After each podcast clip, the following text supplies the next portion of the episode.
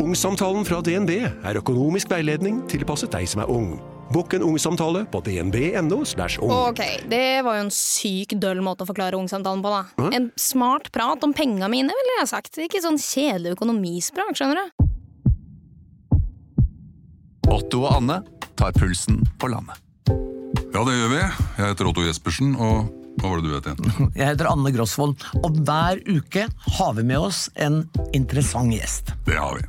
Otto og Anne tar pulsen på landet. Hører du der du hører podkast. Ready? You have the cameras rolling? He was hosting boozy parties in Downing Street. But when the president does it, that means that it is not illegal. I have a dream. We will win this election and we will change the country together. Men én ting står fast, og det er at han var brubyggeren som brente sine bruer. Velkommen. Velkommen, Mitt navn er Sofie Høgstøl, og mitt navn er Eirik Bergesen. og dette er vårt nokså uhøytidelige, veldig personlige forsøk på å gå bak ukas nyheter, lete etter sammenhenger, si noe om framtiden, på jakt etter det store bildet. Slik vi ser det. Hver fredag. Ja, og velkommen tilbake, kjære lytter. Vi har en skikkelig spennende episode foran oss i dag. Og en skikkelig spennende gjest. Ja. Og vi begynner denne gangen bare med å introdusere han, for jeg tror han, han kommer ikke til å klare å holde kjeft uansett. Han kommer til å reagere på det vi sier. Eh, Ørjan Karlsson, velkommen i studio. Takk skal du ha. Eh, Du har en annen podd her eh, på Bør Media som heter Gråsoner, som, som jeg er eh, spesielt er veldig fan av. Og, og vi har en forhistorie òg. Vi jobbet med beredskap sammen. Det gjorde jeg var vi i EU-delegasjonen. Du var i eh, Justisdepartementet. Stemmer.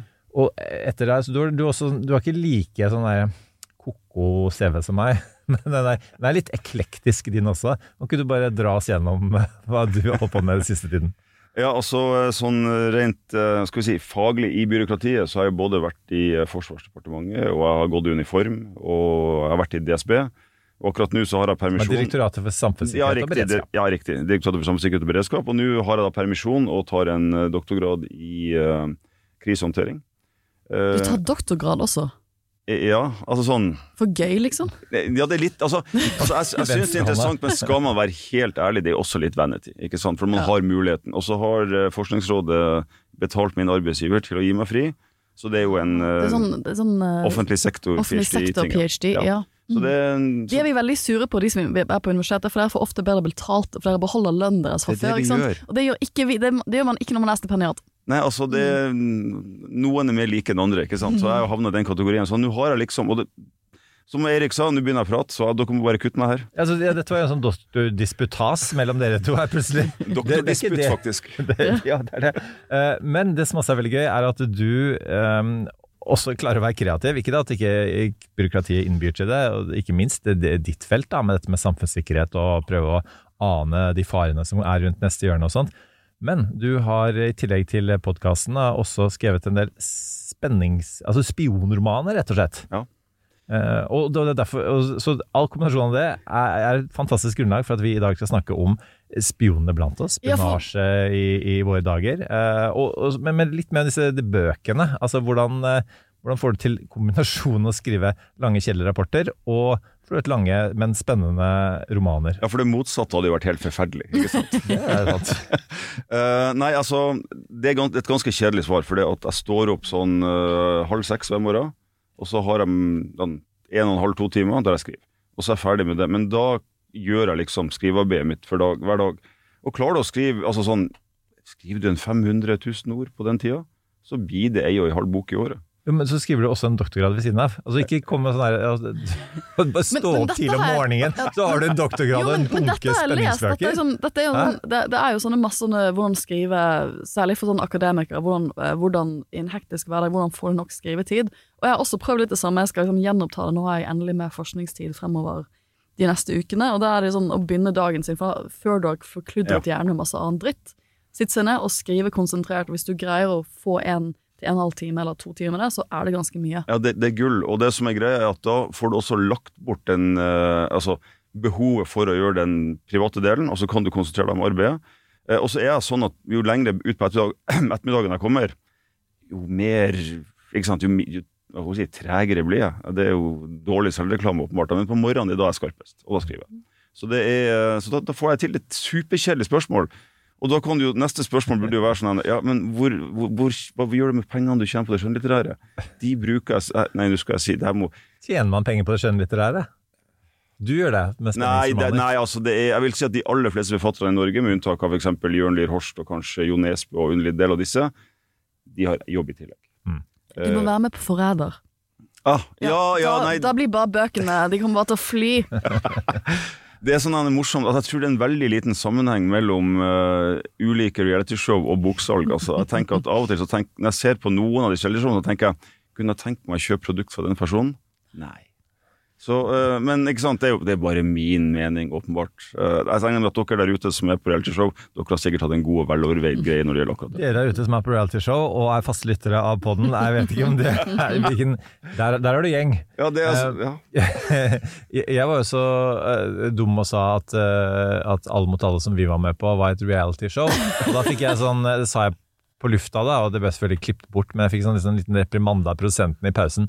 Vi er ikke et realityshow, vi er en kunnskapskonkurranse. Men, men Erik, nå har vi gått inn i det, det lille bildet her. Jeg har brukt uken min på å undervise folkerett med de superflotte studentene mine. De er så fire, Altså, det har vært nok en spennende uke hvor de er, de er flinke, altså. Um, og så har jeg hatt en liten cameo i Furia 2. Oi! Ah, som- For Den kommer jo nå. Gjermund kom Stenberg. Eriksens Ja, nye eh, for jeg, jeg hadde en liten cameo i uh, sesong én. Hvis du blinket, så mistet så, så så du det ikke. Jeg så det. Ja, bitte liten cameo, and I'm reprising that. And it was really fun. Du, du var et anker for å Det, du, vi kan ikke spoile, du må se på, dere Jo, se på det, er jo, det er jo det du var i sesong én. ja, så, så ja. Mm, det Jeg tror ikke vi spoiler hele handlingen ved å si at du, du dukket opp i to sekunder som et anker for en internasjonal TV-selskap. Jeg føler Men- at det var som Fantorangen når han plutselig dukket opp uh, i den siste James Bond-filmen. Det var litt sånn. Blink and you'll miss it. Um, men jeg har fått spørsmål fra folk, det har jeg altså virkelig uh, gjort denne uken. Hvordan går det med sønnen din?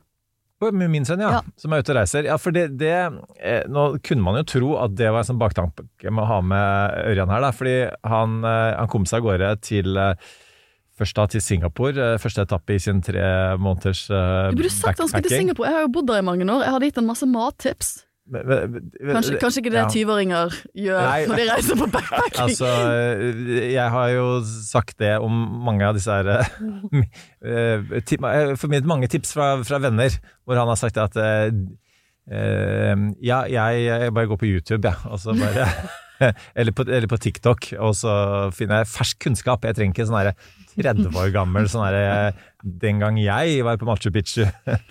Men eh, nei, altså så nå, nå, er, nå er de i Thailand, via Malaysia osv. Så videre, så, og det har gått bra til nå, det er bare en uke. Men eh, jeg, nå ser jeg på deg, Ørjan. Altså, hvis eh, det går galt, eh, har du et nettverk der ute eh, med, i, de- sikkerhets, innen sikkerhetssektoren, så du kan hente han ut en interpellasjon. Det flyr inn, flyr ut igjen. Eh, stealth. Sånn taken- Myndighetene vet ikke noe om det. taken-aktig. Noen internasjonale far, farrom og bare Det, det høres veldig Tom Cruise ut, bare ti centimeter høyere. Uh, nei, jeg vil Jo, selvfølgelig, men jeg har, vi, har, vi har folk på bakken.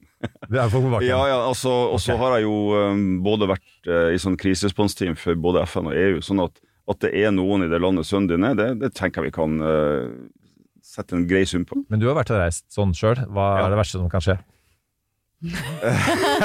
jeg likte ikke den pausen der. Nei, nei, altså, det var sånn, jeg fikk en sånn ubehagelig flashback til det verste som kunne skje. Nei da, det er eh, Det verste som kan skje, er jo at du blir uh, rundlurt. På den tida jeg reiste rundt, altså nå er vi sånn en uh, ancient times her. Altså, vi hadde ikke, jeg hadde jo ikke, hadde ikke mobil. For du var, gjorde backpacking etter Ja, riktig. Ja, ja. Og da var jeg borte i et halvt år i Sørøst-Asia, Australia, Fiji, eh, New Zealand og, og hele den pakken der.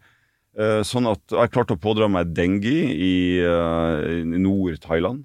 Og det var, det, var, det var faktisk Altså, det var bortimot det verste. Men på den tida så var det jo sånn at hvis du mista kredittkortene dine, f.eks., så var det faktisk nærmest game over. Du hadde ingen telefon. Mine eh, foreldre sendte da brev til Altså de hadde sånn Main Post Office, Bangkok. Så måtte du der og hente posten din, ikke sant. Det var, eh, det var sånn vi kommuniserte. Du starta iallfall ikke et reiseselskap i Kongo sammen med en kompis. Nei, nei, nei. Um, og jeg tenker at det å starte et reiseselskap i Laos med den samme intensjonen hadde vært ganske Ja, det hadde kanskje ikke vært noe karrieretrekk. Jeg bodde jo et halvt år i, i Senegal etter videregående, det var liksom mitt friår eh, før universitetet. Eh, og da, som, som jeg snakket om litt før, det var fantastisk. Det, jeg kan anbefale alle å reise til Senegal. Eh, utrolig god mat, utrolig godt kulturliv. Veldig interessant land. Men så reiste jeg fire-fem av de ukene så reiste jeg på backpackering rundt hele eh, Vest-Afrika via lokaltransport. Eh, og da reiste vi gjennom Mali, Burkina Faso, Ghana, Togo og Benin. Og når vi var i Togo, så var det et, en liten borgerkrig der. Men liksom Ikke så veldig stor. Men diktatoren hadde dødd, og sønnen hans prøvde å ta over. Og, thing. og det endte jo opp på BBC som sånn, you know, et, av de, liksom sånn, et av de mest farlige stedene å være i, i verden. Og, uh, og foreldrene mine har nok aldri tilgitt meg for at jeg gjorde det mot dem. For det er sånn 2005, så det var jo Vi hadde jo e-post og sånne ting, da, men de, jeg kunne ikke I dag hadde man kunnet kjøpe lokale SIM-kort og kunne være ganske mye i kontakt. Og hatt internett på telefon og sånne ting, for det er ganske billig å kjøpe i disse landene. Uh, mamma måtte, Det er sånn på søstera mi at min mor mediterte i den, begynte å meditere i den perioden der, fordi at de syntes det var så belastende. Og så uh, Rett før jeg skulle komme hjem igjen i sånn juli 2005, så fikk jeg også malaria. Og Da var pappa på besøk, så han tok meg til legen. Og det er jo fransktalende, så han snakker ikke fransk. Så jeg trodde jeg skulle greie å skjule at jeg hadde malaria fra han, men så møtte vi en ene legen føler jeg, i hele Senegal som snakket flytende engelsk. Og jeg var sånn, herregud. Eh, og da skjønte han liksom at jeg hadde Og da bestemte vi oss for å skjule det fra min mor, men mamma skjønte jo at et eller annet var galt. Så det første hun gjorde da jeg så å si landet på Gardermoen, det var å ta meg til lege.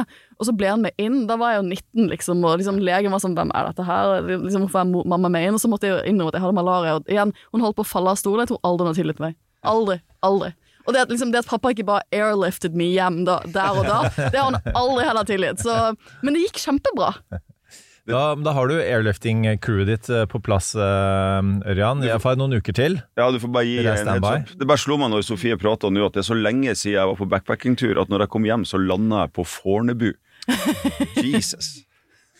Apropos lande på Fornebu. Yes. Ja. Fordi eh, For en bro som bare plutselig dukket opp. Treholt-saken er jo sentral i det vi skal både har snakket om i, i, dette landet siste tiden, i tillegg til Sofie Elise. Og um, Vi skal ikke snakke om Sofie Elise. Ikke snakke om det, men det var, sånn, det var, et eh, såkalt herostratisk berømt bilde, ikke bare av Sofie Elise og den hvite posen, men av, av Treholt som gikk rundt i Wiens gater. Um, og det var jo dit han hadde tenkt seg igjen da han til kona sa at han skulle til Paris, og han da befant seg på, på Fornebu og ble tatt av politiet i 1983, mm. um, som jo er uh, eh, 40 år siden nå. Uh, og, så, og, så, går han hen og dør uh, denne uka. Og så, så, vi skal ta et utgangspunkt igjen, men vi skal bredde ut liksom et sånn større lappeteppe her. fordi poden deres heter jo Gråsoner og handler om på en måte det som skjer i skyggene. Kan ikke du bare forklare hva det er som skjer i skyggene, Ørjan? Ja, altså vi, vi, kaller det gråsoner, og den nye kalde krigen er liksom mm. taglinen vår. og vi jeg tror jeg og Eistein, som er han eh, kollegaen, forfatterkollegaen min Eistein Hansen. Eistein Hansen, ja, som har laga dette sammen, vi uh, hadde nok begge den samme reaksjonen uh, uh, i fjor, når Russland invaderte Ukraina. det her med å prøve å forstå hva som skjer, og til å begynne med sånn veldig ønsketenkning med at de må jo forstå at dette er galskap. Og måten vi prøvde å håndtere det på, var først at vi begynte å skrive en del. Vi snakka veldig mye, og så tenkte vi at hvis vi har det sånn, så er det sikkert mange andre som tenker på samme måten. Så hva med å ta og lage en pod, snakke om det vi kalte den nye kalde krigen, og prøve å finne en sånn anelse av mening i alt dette. Og når man begynner å gjøre det, så dukker jo alle mulige ting opp. ikke sant? Til å begynne med var vi veldig konsentrert om det som skjedde på bakken og alt dette.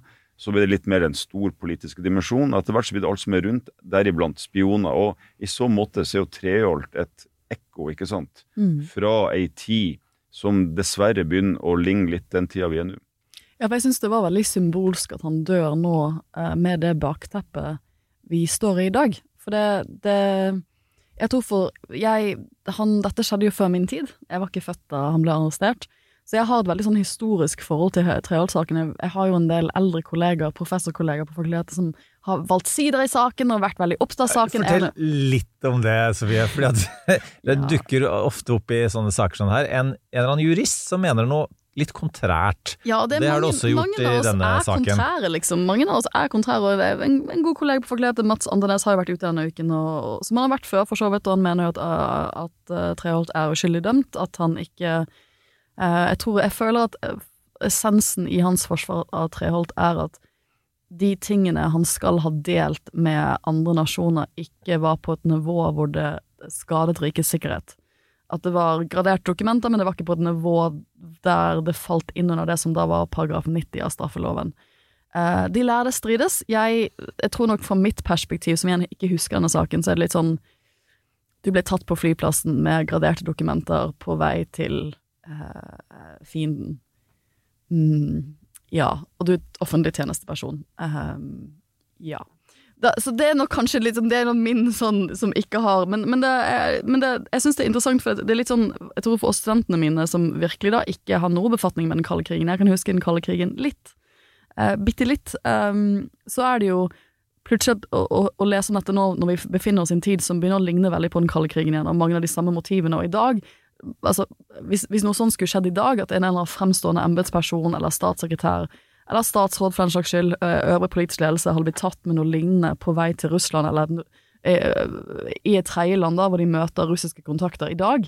Altså, tenk hvilken oppstand det hadde vært, hvilket svik. Og det er ganske interessant å se en del disse eldre stemmene, som folk på 50-60-årene som har fulgt dette lenge, da, som har hatt en diskusjon om dette i media. For det, det er jo, jeg tror det hadde vært et annet bakteppe hvis han hadde dødd i 2018. Jeg tror, jeg tror, du har helt rett, og jeg tenker at uh, den kalde krigen er en viktig kontekst å ha med seg. og Det er kanskje først nå de som ikke levde på den tida, eller i alle fall ikke husker saken, begynner å forstå hvorfor reaksjonene ble som de ble. Jeg har ment at ja, Treholt er skyldig i spionasje. Uh, tror, men altså, han er også en veldig sånn, sammensatt person. Jeg tror at han både gjorde det for han trodde at det kunne hjelpe. Mm. Altså, han hadde antakeligvis en ganske sånn, sånn store tanker om seg sjøl. Eh, men, men, også fordi at han, han, han, fikk betalt, han var i, i, sentrum og det som var spennende. Men like fullt uh, Jeg tror det var uh, Er det Bull Hansen som var forsvarssjef på den tida? Han sier jo at, Hansen, ja. han sier jo at Treholt gjorde skade tilsvarende tre forsvarsbudsjett. Det ser jeg ingen bevis på. Jeg tenker, Hadde Treholt gjort dette i dag, eller noe tilsvarende, tre år, uh, mista jobben sin, uh, vanære og alt dette, med en livstid, altså, eller 21 år, da.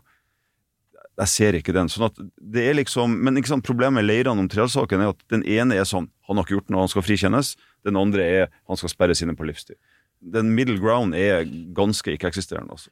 Men, men, da Treholt ble arrestert, eh, så var jo det kanskje den, den kaldeste tiden i den kalde mm. krigen. Eh, og, og, og min, eh, mine minner er veldig sterke fra den tiden. Ja, for jeg har lært noe nytt om deg denne uken, og det er at du har en forbindelse til tre Eller, ja, jeg, jeg, trodde det var at, at jeg, jeg, er gammel, jeg. Ja. Nei, nei, Eirik. Jeg var på 50-årslaget ditt. ja, det er jo det jo gammelt. Eh, nei, er, i akademia er det veldig ungt. Um, men jeg er ikke akademia. jeg, er jo tabloid TV, og da er det gammelt. Men Nei, du, altså det, det, Ja. Eh, altså Greia er at uh, faren min jobba da Han var byråsjef i Fiskeridepartementet. Treholt var byråsjef i Utenriksdepartementet. De var sammen og forhandlet fisk og, og, og, delelinje og gråsoner mm. med russerne. Og ledet av en viss Jens Evensen som jo var som en slags sånn adoptivfar for uh, Arne Treholt. Eh, en som, som aldri tilga Treholt. En som jo, hvis man Treholt i den grad han var brobygger, aldri fikk eh, Han fikk aldri den informasjonen som Treholt samlet inn fra, fra russerne, åpenbart. Så, så, hvem var det han ga det til? nei, og, og, så, og, jeg husker jo fortsatt Den gangen kunne du ikke sitte klistra til TV-skjermen hele dagen, som du kan i dag. Um, men um, jeg husker faren min satt satt og så og så, uh, og var stille. Og, og, det For han var jo det et enormt svik, ikke sant. Han, ikke sant? Dokumenter, som deres bakgrunnsdokumenter til de forhandlingene, det ble jo åpenbart uh, lekket, deler av det. og han sa ting som husker han sa ting som at nå skjønte vi, skjønte vi hvorfor han Altså dyre dresser. Um, og de var samme alder, cirka. Ikke sant? Eh, Treåtte kan vi snakke litt mer om etter hvert, men liksom en meget vennskapelig, åpenhjertig, intellektuell type. Lett å, lett å prate med.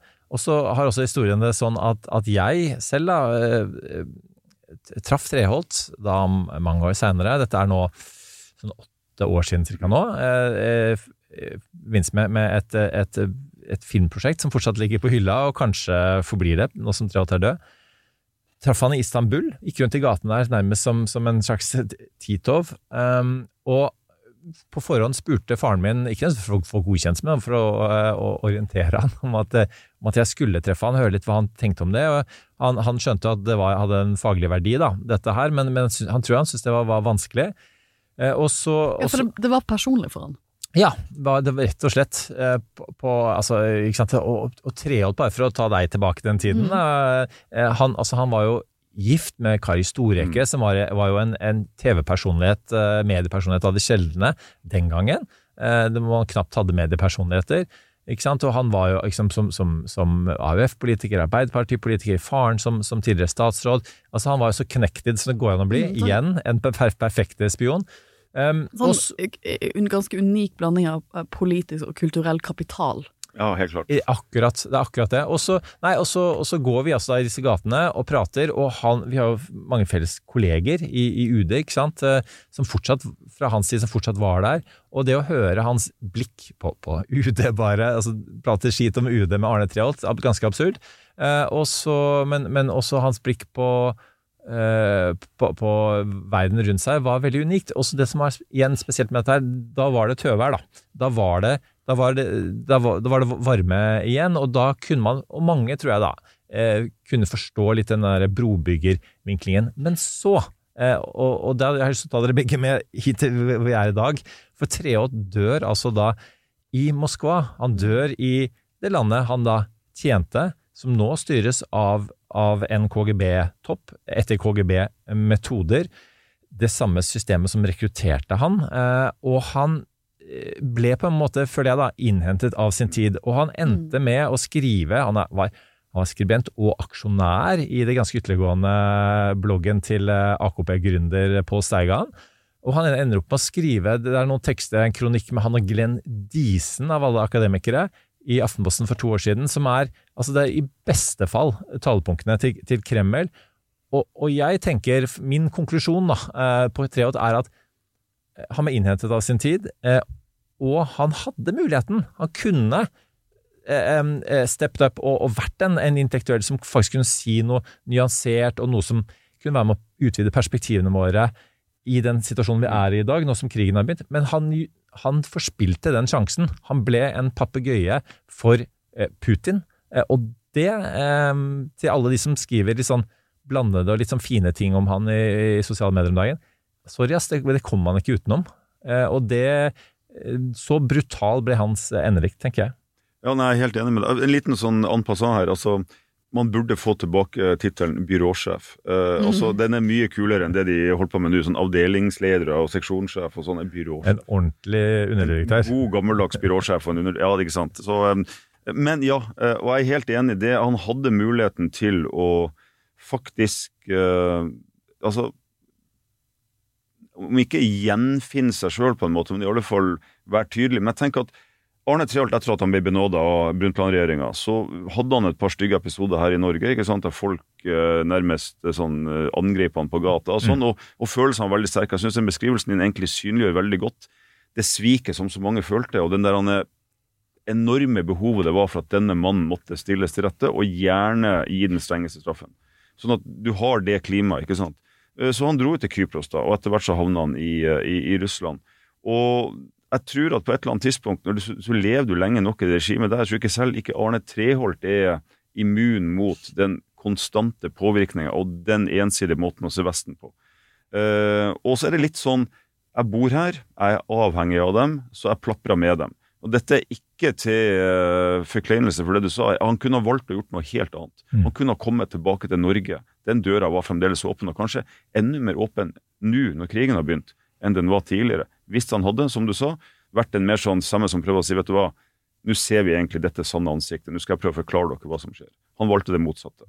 Så jeg er helt enig i de som nå prøver å komme litt sånn der han Jo, men uh, han var brobyggeren. Så var han kanskje i hodet sitt det en gang, men ikke lenger. Men det er jo helt absurd, bare for å ta noe nesten vi skulle hatt den rant-jinglen vår. And I will strike down upon thee with great vengeance and furious anger. Altså, forsiden av Dagsavisen, eh, hvor Arne Strand eh, får lov til å si at han var en, en, eh, en, en flott politiker og journalist, Men, altså, sorry, altså, men det går, det går ikke an å si. Jeg syns kanskje det er det mest interessante siste uken har vært ehm, redaktører og kommentatorer på venstresiden som har kranglet om dette, og det er veldig sjeldent jeg er 100% enig med Bjørgulv uh, Brannen. Veldig sjeldent. Bronen. Jeg, har aldri sitert noe han har sagt. Jeg, skal, jeg tror jeg aldri, det har aldri sett at jeg har liksom sitert han som en kilde, men han, jeg syns han skrev en veldig god kronikk om dette i i um, Klassekampen, hvor han avslutter med å si at å kjempe for demokrati, fred, sosialisme, selvstendighet og frihet lar seg ikke forene med å gå fremmede makters ærend. Det, og det, og det liksom Ja. Nei. Nei, altså det er, det, det er helt riktig, og det er klart at dette kommer jo litt også på toppen av den der han eh, Kall det berøringsangsten man hadde en ganske lang tid mot det som skjedde i den eh, Den oh, Hva heter den eh, Steigan-nettsida også, ikke sant? Altså, Mm. Det måtte opp i dagen og ristes litt før man faktisk sa at dette her er jo helt Som han, han har vært en aksjonist i. Altså, Riktig. han har vært, en aksj han har Ja. vært med å finansiere. Ja, bare, det, tenk, bare tenk det. Altså, sånn at, ja, jeg er helt enig. Dette er, det er ikke forenlig. Men altså, her gjelder det å holde disse tankene i hodet. Da, ikke sant? Jo, mannen var en spion. Han ga eh, dokumenter til fremmede makter. Men han var ikke den samme type spion som eh, f.eks. storspionen i, eh, i England, altså eh, Philby. Philby. Han er ikke i nærheten av å være Philby. Men det var ille nok for Norge. Og jeg tror faktisk at hvis eh, Gunvor Galton Håvik, som eh, jobba i Forsvarsdepartementet og døde i Drammen fengsel etter at hun ble avslørt, hun er sannsynligvis en større spion enn Treholt, men hun ble pressa til det. Der er det en forferdelig tragisk historie. Sånn at Treholt, ikke sant, han var bare ved å bli tatt, bare ved å ha den posisjonen i samfunnet som han hadde, så var han en altså, virkelig et svik for de som hadde nettverket med han. Altså. Men uh, ta oss tilbake til uh, Treholt da Treholt var aktiv. Uh, vi har vært inne på det allerede, men, men hva er det ved han, og hva er det ved spioner, uh, som gjør at ja, personer som han, da, med de karaktertrekkene, fungerer så bra som spioner? Hvorfor er de attraktive til å bli rekruttert av en etterretningstjeneste? Ja, altså, det er um, Jeg husker en, en, for en tid tilbake så uh, var jeg og en, en kollega i et, et privat firma Vi drev og snakka litt om dette med insidere. Og hvordan rekrutterer du insidere. Og, og en av den uh, og Jeg kommer til Treholt etter hvert, det blir en litt sånn uh, rundvei her. Men en av de måtene man prøver å rekruttere folk på, eller skape en eller annen sånn uh, måte man kan utpresse dem på ofte, sånn som russerne kaller kompromatt, ikke sant, vi har noe på det. Uh, den minst kjente av disse er den figuren man kaller professoren. Professoren er en fyr som setter seg attmed deg barn. Han prøver ikke å sjekke deg opp. Han, uh, han lytter til det du sier. Han er en god samtalepartner. Han ser deg. Uh, han tar kontakt med deg ettertid. Han ber deg ikke om noe. Han sa dette var hyggelig, skal vi møtes neste gang du f.eks. er i Brussel? Uh, han leser det du legger ut. Han uh, kommenterer det til deg i private e-poster og tekstmeldinger. Han er enig i f.eks. For forskninga eller artiklene dine eller det du står for. Og over tid så merker du at dette er en person som eh, forstår deg, som vil deg vel, som har satt seg inn i det du er opptatt av. Eh, som du nesten på et eller annet tidspunkt begynner å tenke på, ikke som en kollega, men faktisk som en venn, og etter hvert som en god venn. Jeg tror Arne Thehardt hadde disse kvalitetene. Han, er en, han var en fyr som virkelig brydde seg om mennesker, og det tror jeg faktisk du må gjøre. Altså, For å være en god spion. Riktig. altså du, Mm. Det er ikke overfladisk, du bryr deg om disse, men du har denne unike evnen med også å tenke at disse kan jeg utnytte. Og da begynner du å få trekk ikke sant, fra, fra en del sånne personlighetsgreier, ikke sant? men de er gode på dette. Og så det å være en god spion, tenker jeg, da må du ha mye av de samme trekkene som det som gjør deg til en god ambassadør, god diplomat. Altså, du må se folk, du må forstå ståstedet deres, du må vite hva som gjør at de åpner seg for deg. Eh, Du må følge dem opp. Det er liksom ikke noe one night stand, dette er et langsiktig forhold. Du jobber med det. Og den type personer tror jeg at etterretningstjenestene egentlig over hele verden er interessert i å rekruttere. Absolutt. Og eh, når du ser på Storbritannia, eksempel, eh, når de har funnet spioner i Storbritannia under den kalde krigen, så har de jo gjerne vært professorer ved Oxford og Cambridge. Eh, For du har en, en tung stilling i samfunnet, en sånn tung kulturell kapital. Du blir tatt inn i ganske mange forum i maktkorridorene som du ellers ikke ville gjort, og så har du fortsatt en ganske uavhengig posisjon. Og så har du selvfølgelig studenter, så du har et påvirkningsnettverk og så, som er ganske stort. da Du kan se at den, den, eh, 20-åringen der, han kommer til å bli noe. Nå, så, å ja, han har kommet inn på aspirantkurset, så spennende, ikke sant. Og så dyrker du en relasjon som du er inne på. Og det, jeg, jeg tror bare at jeg tror bare at man, man er ganske naiv hvis man ikke ser at det ligger ganske mye eh, potensial i å ha en sånn Hvis du greier å, å på en eller annen måte rekruttere en person som Treholt, enten vi kan han er jo ofte veldig nøye på å si at han var ikke en agent, og da kan vi jo diskutere og problematisere hva det er å være en agent, Mm. eller hvor inni noe du må være for å være en agent. Um, men av den, på det posisjonsnivået hvor du da har det nettverket han har, og um, også den uh, troverdigheten innad i systemet, på mange lag, sant? i politikken og i embetsverket, uh, og gå på forelesninger på Forsvarets høgskole, uh, og, og så videre. Og det, den kind of access, det er, det er vanskelig å, å, å, å komme inn på um, ellers. Det, det er jo det som er spennende her. Um, eh, det, det er jo det som jeg syns er veldig spennende med hele historien, hans rolle. Fordi det du beskriver, Ørjan, altså de der eh, analytiske og menneskelige eh, trekkene som jo flere holder frem som nærmest som et bevis på at han ikke kunne vært spion, er jo egentlig det beste beviset på at han kunne vært en spion, og at han var en spion. For det er jo den derre eh, ja, veldig imøtekommende, eh, ser folk, eh, bygger nettverk, eh, og ikke kun, og det, det er mer enn nok av de, både i media og, og politikken, som kun åpenbart eh, virker å være opptatt av seg selv eh, og, og sin egen lille lokallag oppi Nidaros. eh, ingen reaksjon, Sofie? Nei, Du lå nei. inne i notatene dine her. Nei, jeg var inne i notatene mine, ja. jo, men ikke sant, så, så, men, og, og, det, og det er jo så, så, sånn at det, på, på en måte så var jo Er, er det riktig at Arne Triot nærmest var den perfekte spion? Det er altså langt på vei, og jeg vil si at altså, vi, vi har den der eh, litt sånn Hollywood-aktige greia med hva en spion er, ikke sant, og alt ser i skyggene og sånn, men, men en god spion gjør jo at alt skjer åpent. Ja. Eh, Den siste personen du ønsker å eh, rekruttere som spion, er jo en narsissist. Du ønsker en som er åpen, inkluderende, har alle de rette verdiene. Og den aller beste spionen er ikke en som oppfatter seg sjøl som spion, men som for det at han føler at eh, du eh, At han ønsker liksom å være den som skaper harmoni og bygger broer, tar informasjon eh, fra det landet han er fra, og gir det til deg frivillig. Da har du gjort jobben din som rekruttør. ikke sant? For at I det øyeblikk du sier du må skaffe meg den informasjonen, så føler en, føler kan man seg pressa, da har du alt dette. ja, men Tenk han blir tatt og alt dette. Men hvis du derimot er i en situasjon der du, eller en posisjon der du har tilgang til informasjon, og tenker dette skulle person X ha fått vite om, og du tar det med deg ti, sånn, jeg, jeg, jeg merker når jeg snakker sånn jeg ser, jeg ser for meg at du har med deg en bunke med dokumenter og reiser, men du gjør jo ikke det. Du? Du, du går ned på dark web eller hva det måtte være, kryptert tjeneste, og så sender du det. Det er jo det man gjør nå. ikke sant? Men, men da er du inne på kanskje den, den perfekte spionrelasjonen, da. For da er det da sånn at eh, din føringsoffiser da, får deg til å tenke at du ikke er spion, at du er, du er med i en type sånn dialog. Riktig. Du er en brobygger. Den personen som rekrutterer deg, rekrutterer, sier ikke sånn 'du skal være agent nå'. Nei. Det er sånn det skal være. Det, som du sier, det er jo det som er fascinerende. at Jeg ser jo ofte at de som forsvarer Treholt, sier at han hadde aldri en intensjon om å skade riket. Han hadde aldri en intensjon om å være en agent. Og det og det er jo helt fint, det kan man forstå, men det er jo ikke det som er spørsmålet her. Spørsmålet er hva man har gjort i realiteten. Ja, og da er man tilbake til den ene professoren som du møter, som egentlig er føringsoffiseren. Han får deg til å tenke at nå spiller vi på samme lag, sammen kan vi hjelpe hverandre. eh, Og frivillig gir du bort ting du aldri burde ha gitt bort. Og når du får den relasjonen, så har du noe som nærmest ligner på en sånn, eh, sånn romantisk forhold. Du er så sterkt bundet til denne personen, og dere, er så, dere ser så likt på saken. Så den personen som er interessant i dette forholdet, er jo egentlig ikke spion. Det er føringsoffiseren. ja.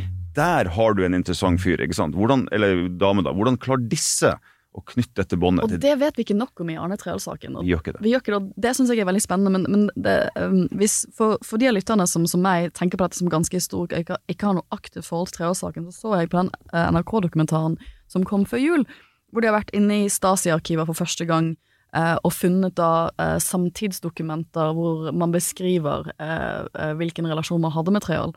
Og da står det i disse eh, KGB-filene da, at Arne Treholt samarbeider en årrekke med Sovjetunionens KGB utenriksetterretningstjeneste på et ideologisk politisk grunnlag, understøttet av materielle goder. Med andre ord, har fått litt penger, men som du sier, har en, eh, har en sånn eh, ideologisk, politisk føring, en, en idealisme, at dette er aktverdig. Og jeg føler Det er jo mye av forsvaret hans og hans støttespillere, at dette var aktverdig gjort. Han skulle, han hadde, Man trengte brogebyrgere som han til å reise rundt i verden og, og gjøre en del av de tingene som politikere ikke kunne gjøre, for det ble for skittent. Men det kunne han gjøre. Det som er interessant, da, med altså, en fantastisk eh, spennende dokumentar, da, 'Rikets sikkerhet' på NRK, Og akkurat det øyeblikket der, som jo kanskje mange vil se på som en slags sånn rykende revolver ikke sant? De finner dette eh, dokumentet i Stasi-arkivet, og så vet vi at det er en mappe i KGB-arkivet. Å Som vi ikke har tilgang til. ikke har tilgang til. Hvis, med mindre man, man eh, slår Russland sånn ned i støvlene at du får nærmest en sånn Nürnberg-prosess, og du kan få access da, til det, det arkivet. Nei, men, så, men så er det det som er interessant da, når Treholt blir forelagt dette Blir konfrontert med det. konfrontert, rett og slett. eh, Så, og det, det er best beskrevet i en eh, kronikk av eh, Anders Giæver i VG, så, så, så, så Treholt nærmest bare sånn herre men nesten liksom litt sånn hoverende mine sier at ja ja, nei selvfølgelig. Altså dette er jo bare det, det, Dette kom ikke på noen overraskelse som han. Det, det, det ville vært helt unaturlig om de hadde skrevet noe annet. Men det betyr ikke at, videre. Altså, han hadde en forklaring på det også, han. Den rykende revolveren blir lagt på bordet foran deg. Ja, jeg, jeg tror han sa noe sånt som sånn, Å, dette var relativt nøktern beskrivelse. Og da tenkte jeg litt sånn Oi, ja, men liksom, hva er det du sier her? Du tenker at den kunne vært Altså, hvorfor er den Altså, dette er jo en ganske sånn Det, det er jo fortsatt Jeg vil ikke bli, beskrevet sånt i et, et KGB-arkiv. Jeg vil ikke tenke på det som veldig nøkternt. Men hvis du oppfatter din egen rolle og din hode, så tenker du det var reaksjonen din. At, men det var nøkternt, og dette er jo ikke ja. Jeg skulle ikke forundre meg om det han syntes var verst, der var at uh, dette med økonomi kom med. ikke sant? For ellers så tror jeg han tenkte ja. Eh, men, men det interessante her er jo at når han døde, så skrev jo også uh, Det var jo nekrologer i avisene eller i nyhetsmedia i Russland òg. Og der løfta de han jo frem som en, en storspion. Og jeg tenker at en de, en, altså for, her må, for, for å finne balansen her, da, en del av de som da sier at dette beviser jo virkelig hvor farlig Treholt var, Eh, det er jo de samme som ellers bruker å si at vi må ikke høre på det som kommer fra Moskva, for det er propaganda. Det er helt åpenbart at, at russerne ønska å gjøre Treholt større enn det han var, for å sette E-tjenesten og PST i Norge i forkleinelse. Selvfølgelig er det sånn også. Og, og det er nok litt problemet til en person som Treholt etter det har skjedd, er at da har jo plutselig Russland en sterk interesse i å fremheve han og gjøre det de kan for å fremheve han som superviktig, som superstor, eh, for, for å rett og slett ydmyke Norge eh, så mye de kan. Så mange har jo reagert på en del av disse russiske overskriftene eh, av, som beskrivelse av hans død, liksom KGB-spion Arne Treholt er død. Og det, det tar jeg med en stor klype salt, for det er akkurat det, sant? For Russlands side så er dette nok en mulighet til å si at her døde en norsk KGB-spion i Moskva. Så morsomt? Og så har de masse overskrifter om det, for de vet at vi kommer til å skrive om det i Norge, de vet at det kommer til å skape reaksjoner, og så kommer det til å skape akkurat den debatten vi har offentlig nå, hvor ille var dette egentlig, og da er mye av deres arbeid, det er en god dag på jobb, det. Prøver du å snakke ned russisk statlig media nå, Sofie? Det er helt uhørt. Nå- nå, Mot et naboland. Nå skrev RT noe som, som man kunne sette spørsmålstegn ved. Hadde dette vært gråsoner, så ville vi selvfølgelig ha vært så nerdete at vi hadde sagt noe sånn som at han var jo ikke KGB-spion, han var en SVR-spion. Mm, mm. ikke sant? Ja, utenrikstjenesten. Det er jo der Titov jobba, ikke sant. Ja, og Tito var jo for øvrig litt den derre farsskikkelsen du beskriver nå, som jo nærmest eh, overtok for Jens Evensen. Og, og de, det er jo en sånn helt utrolig bilde som eh, VG, Ole Kristian Strøm, klarte å få til i 2004. Altså nesten at det er 30 år etter eh, Nei, hva blir det da?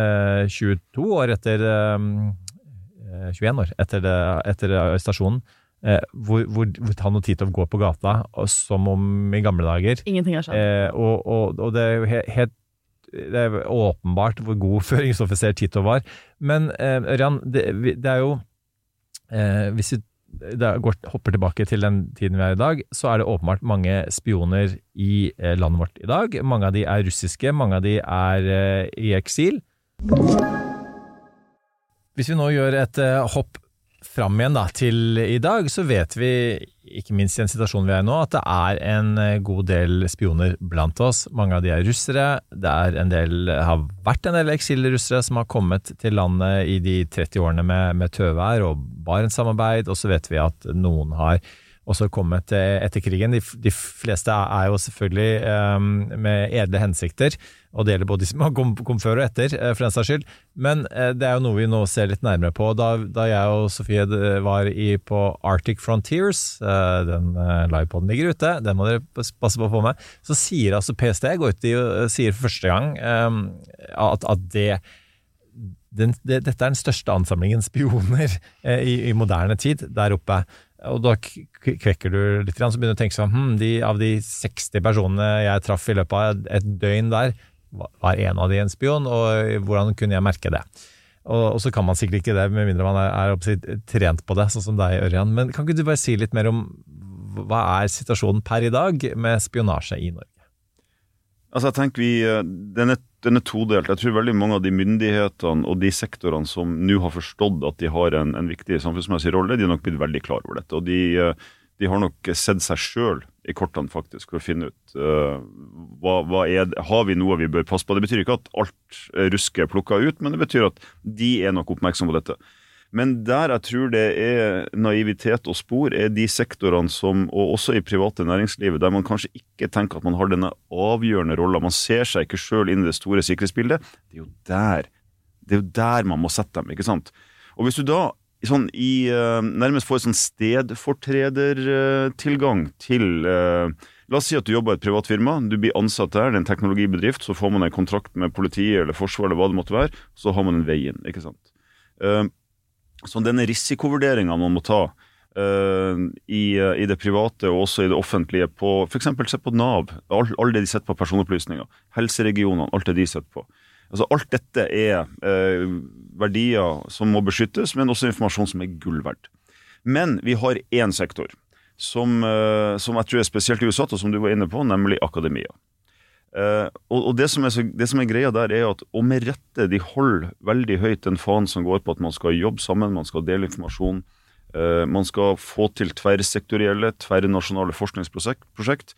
Uh, for dette er jo også en måte også å bygge broer, altså med ref til det vi snakka om tre år siden, tidligere. Og så sier man også, og ofte med rette, at den informasjonen vi deler, den er jo ikke Den er ikke viktig, og alt ligger offentlig, og jeg bruker ikke hemmelige registre. Og... Som jeg skulle ha sagt det sjøl, bare bedre. Uh, mm. og, og, da er det sånn at de har rett, men det de glemmer, er at denne, denne aktøren, la oss ta illegalisten i Tromsø, ikke sant? han sitter da plutselig i en uh, liten del av dette store edderkoppnettet og Så begynner han å trekke tråder og linjer. Så ser han at han personen jeg møtte på den konferansen, og hun foredragsholderen Jeg får navnet deres, jeg får e-posten, jeg begynner å kommunisere med dem, jeg skaper kontakt. Jeg ser hva de snakker om, hva kollegaene deres er opptatt av. Jeg samler alle disse små informasjonsbitene, og så bygger jeg meg et mye større bilde. Og det er faktisk sånn i norsk etterretningslovgivning at hvis du setter sammen en rekke deler informasjon fra åpne kilder, så kan summen av dette faktisk være noe du ikke får lov å lekke. Men Minn oss på det, denne illegalisten som, som, du sa. Altså, det, bare for å ta den lille fun facten. Eh, denne personen eh, jobba med et prosjekt som het Gråsoneprosjektet, ja, ja. som din podkast også heter. Sammen med folk som forsker på disse spørsmålene. Riktig. Eh, og, og, full disclaimer, full åpenhet. Jeg var en del av Gråsoneprosjektet. Mm. Ja, ja, ja. Så jeg, jeg fikk jo med, med rette ikke sånn spørsmål ganske fort har du møtt denne personen. Ja. og nå må jeg nesten si dessverre nei. Jeg hadde ikke det, altså. Men igjen, nettverk. Og bare det å være i det nettverket betyr jo at han har samla alle e-postadressene, hvor du jobber hen, han kunne tatt kontakt med deg. Eh, det er jo vist disse bildene i, media også, der han var på en, eh, en workshop, tror jeg, i, eh, i, Baltikum. Jeg tror det kanskje var i Litauen. Uh, og igjen skaffa nye uh, informasjon. Det var jo også noe som heter Hybnet, altså Hybrid Network. ikke sant? Og han var en del av det. så det, det er jo ganske... Han forsket på hybride trusler. Rist. Og han sa han var brasilianer. Han hadde en dekkhistorie. Men snakket uh, ikke de språkene man burde snakke hvis man er fra Brasil? Tenk, tenk, tenk å kunne ha vært ei flue på veggen der for eksempel, Jeg vil jo anta at politi eller PST på et eller annet tidspunkt sier trenger du en portugisisk tolk. Ja. Hva svarte han da? Nei. Jeg, men det, det, det, jeg må si, det eneste med han er at han skuffer meg. Når jeg ser på sånne spionserier, så må de lære språket. De må, liksom, de må være mer proffe enn dette her. Altså, for jeg føler sånn, Den dekkhistorien faller jo ganske fort fra hverandre når man begynner å trekke litt i trådene. Men det som er interessant med han, er at han var jo forskningsassistent. Ja. Og det har fått meg til å reflektere litt over at en av de fine tingene i akademiet For jeg tror at, eh, jeg satt jo i dette akademisk ytringsfrihetsutvalget. Uh, og vi, vi, snakket jo med nasjonale sikkerhetsmyndigheter, for det er klart at her er det noen ganske, her er noen ganske store problemstillinger. Ikke minst det at um, jeg tror de aller fleste forskere er, sitter, sitter i ryggmarken at forskningen skal være åpen, den skal være fri, og jeg skal ha full akademisk frihet til å si det jeg vil. Ikke, det å skjule ting, det er, en, det, det er, det er et onde. Det, er ikke det akademia Akademia skal være åpen for alle. Vår innsikt skal være åpen. Vår nettverk skal være åpen. Og det jeg har tenkt litt på i etterkant, er at det er ikke det at du må nødvendigvis i en norsk setting bruke tid for å bli professor, for det tar jo mange mange år. du må publisere mye, du må gjøre mye jobb for å gjøre det. Men forskningsassistent, mm. det er veldig lett. Og forskningsassistentene hos oss, det er jo et viktig prinsipp for meg, vi tar jo det med på alt. Jeg vil jo at mine unge forskningsassistenter, Altså Vitterser kaller vi det på jussen.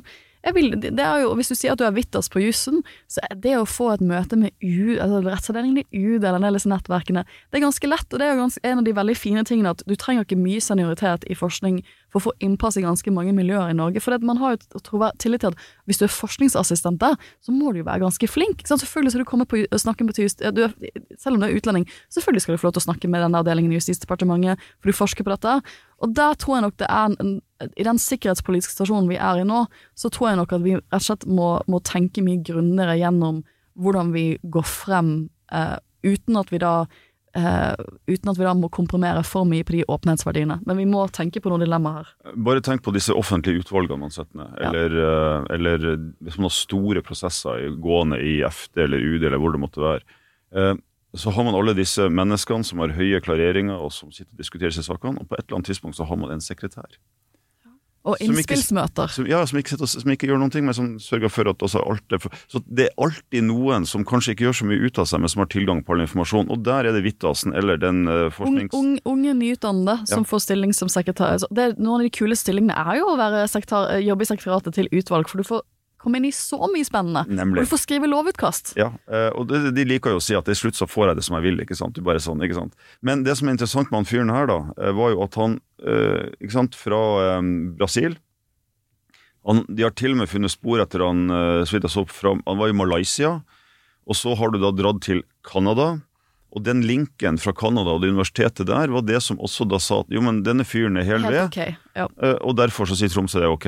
Så du kan forstå Tromsø også, ikke sant? Om de har gjort, de har, de har gjort noe som ligner på akademisk due diligence når det gjelder å sjekke den. Ja, det, det er kanskje det jeg har reflektert over også, at de har gjort mye mer enn det mange av forskningsmiljøene jeg har vært i.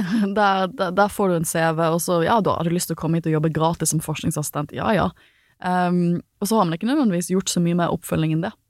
Nei, og jeg tenker um, Hvis det er noen fra akademia som hører på dette, da, så er det et spørsmål som man kan stille seg på universiteter og høyskoler, er hva gjør sikkerhetsansvarlig hos dere? For hvis man tenker sikkerhetsansvarlig som en som er primært opptatt av HMS, som jeg tror mange er, Mm. så er det vel og bra, men ikke der vi er nå. Nå må du tenke bredere. Og har man ikke den kompetansen som går på sikkerhet og beredskap og disse tingene, så bør man kanskje kanskje man bør ansette. For å ha en idé om hvilke nettverk går vi, våre forskere inn i, hvilken informasjon finnes i de nettverkene, hvor er våre sårbarheter, hvilke offentlige myndigheter samarbeider vi med, eh, hva, altså hvilke tilgang har vi til ulike sånn Chatham House Rules-ting. ikke sant? Og Chatham House er jo at man sitter i et rom og snakker litt sånn off the cuff, eh, uten at man da kan referere ja, uten at man kan da referere direkte til det. ikke sant? Hvis du skal referere til det møtet, så må du spørre han som sa det, og så må han gi tillatelse, eller hun gi tillatelse. Og da er det ofte informasjon som man ellers ikke ville ha fått, som er tilgjengelig. Og dette vet jo du mye om også, Erik. Man, man, og Chatham House er veldig viktig også, både i det offentlige og i akademia, men det kan være ganske ødeleggende hvis det blir misbrukt. Ja, absolutt. Eh, Og så tenker jeg altså, En, en annen dimensjon av dette her er jo Vi snakka om dette, dette tøværet som har pågått i, i 30 år. I løpet av den tiden så har, ikke minst i nord, har man rukket å få eh, russiske kolleger, russiske naboer, russiske ektefeller. Eh, og dette er blitt eh, viktige bærebjelker i mange lokalsamfunn. Eh, og så får du en type sånn vi er nesten tilbake i en sånn kald krig-paranoia, hvor, hvor de dessverre blir mistenkeliggjort. Um, eh, og, hvis, Ørjan, hvordan er det med ikke sant? Altså, Selv om de har alle de beste hensikter, så kan de også faktisk bli misbrukt av sitt hjemlands etterretningstjenester. På hvilken måte da? Det, er jo- det er jo her tragedien kommer. ikke sant? Vi har snakka om Arne Treholt eh, tidligere, som gikk inn i dette med åpne øyne. Altså, det er det ingen tvil om. Eh, men nå kan du ha veldig flinke folk, f.eks. fra Russland eller Hviterussland eller, Eller Belar Belarus da, eller Kina, som har kommet til Norge med alle de rette hensiktene. De har stifta familien, de har etablert et liv. De har etter hvert gjort seg bemerka, de har steget i stillinger enten i det offentlige eller i akademia. Og på et eller annet tidspunkt så har sett de på informasjon, eller de sett i alle fall som en sånn, eh, sånn portvokter til informasjon, og så får de en telefon, f.eks. fra Moskva. GRU, altså russisk militæretterretning, sier hei, eh, vi ser du jobber i eh, Universitet X. Broren din, hva syns du om at vi skal sende han til, til Ukraina? Ønsker du at broren din skal sendes til fronten? Nei, det gjør du ikke. Da trenger vi dette av det. Du setter denne, denne altså russeren i Norge i en helt umulig situasjon. Og jeg tenker at dette må vi i alle fall være bevisst. Og så må vi, i den tida vi lever i akkurat nå, så må de som skal ansette eller promotere eller løfte opp eh, arbeidstakere som kan komme i en sånn situasjon, de må tenke seg om. Det er faktisk mulig å ta en samtale der man sier at vet du hva, i den situasjonen vi er i nå, så tror ikke vi det er riktig å utsette deg for denne type risiko. Du kan ikke få denne stillinga fordi vi frykter at du kan få, eller du kan havne i en umulig situasjon.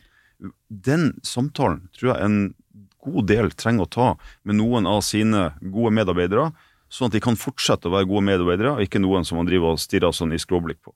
Ja, liksom, hvis vi tar det kinesiske perspektivet, så har jo Kina skjerpet inn lovgivningen sin på etterretning ganske mye, slik at hvis du er kinesisk statsborger, så er du egentlig forpliktet til å jobbe med etterretningsmyndighetene og utlevere den informasjonen du har.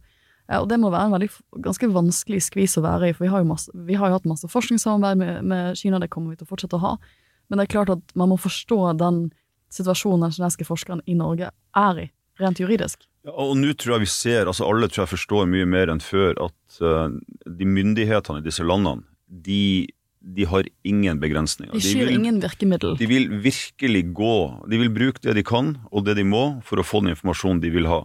Slik at enkeltindivid i dette, i dette bildet betyr ingenting. Altså jeg mener Hvis du ser på måten de driver med krigføring i Ukraina, f.eks.